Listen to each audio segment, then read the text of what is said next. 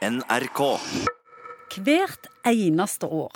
Hele verden holder pusten, enten det gjelder ski, sjakk, fotball, curling eller 1500 meter sprint. For hvem er raskest, smartest, hopper høyest eller lufter mest? Det besnærer og fascinerer en hele verden. Psykolog Egon Hagen, hvorfor er vi så opptatt av de som er best? Jeg tror dette sånn, dypest sett tangerer et psykologisk typologi eller tema som handler om vinnere og tapere, faktisk. Og De som vinner, og de som det går skikkelig dårlig med, det har psykologisk tiltrekningskraft på Det er de vi snakker om. Det er de vi snakker om. Jakten på vinnere er en måte å smøre selvfølelsen på gjennom andres suksess. Du vinner. Du sitter der i treningsdrakten på sofaen og føler at eh, nå ordner du opp, altså. Du er norsk, og dette kjenner du helt ned i jeg vet ikke hvor, at nå har du vunnet.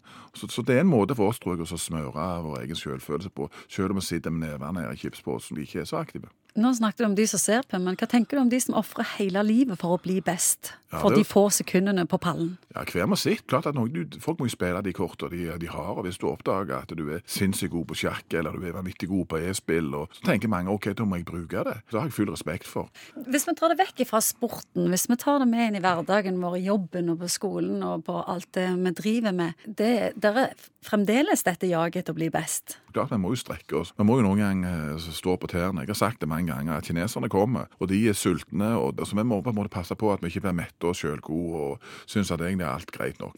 Men det er akkurat denne å finne den balansegangen. At du må kunne justere på kløtsjen, sånn at du noen ganger også har si nå bare tar jeg det helt rolig. Noen ganger må du òg bli litt venn med sofaen om du er glad i å, å springe. Jeg kommer på den sangen 'Hvorfor være stor når man er lykkelig som liten'. Ja, det er jo kanskje en livskunst. Og jeg tror når du blir eldre og har skjønt at du kommer aldri til å bli stor Det ble ikke Manchester United, og 110 meter hekk må du bare glemme. Så må du være så god se og akseptere at OK, Seiler, det var sånn det ble. Men det går en tur rundt Mosvannet, eller fremdeles noenlunde bevegelig, og greier å komme gjennom en eller annen akt med fruen med verdigheten som noenlunde innhold. Men eh, hva hadde vi vært hvis det ikke var noen som strekte seg? Nei, jeg er helt enig. Så det, og vi liker jo det. Folk må prøve å strekke seg, og vi trenger å kjenne at vi øker trykket litt i sylinderen noen ganger. Men det er akkurat det at du må også kunne avspenningen. Og du må også si at OK, jeg ga jeg hadde, jeg hadde trent, jeg hadde gjort alt riktig i forkant, men det Cecil-ormet i år, det måtte jeg gi meg på. Så å være litt sånn forsonlig i forhold til det. Sånn at disse tingene som egentlig er gode ting, har lyst til å delta, har lyst til å, å utfordre deg sjøl, må ikke bli imperativer som gjør at du blir elendig i selvfølelsen hvis du ikke lykkes.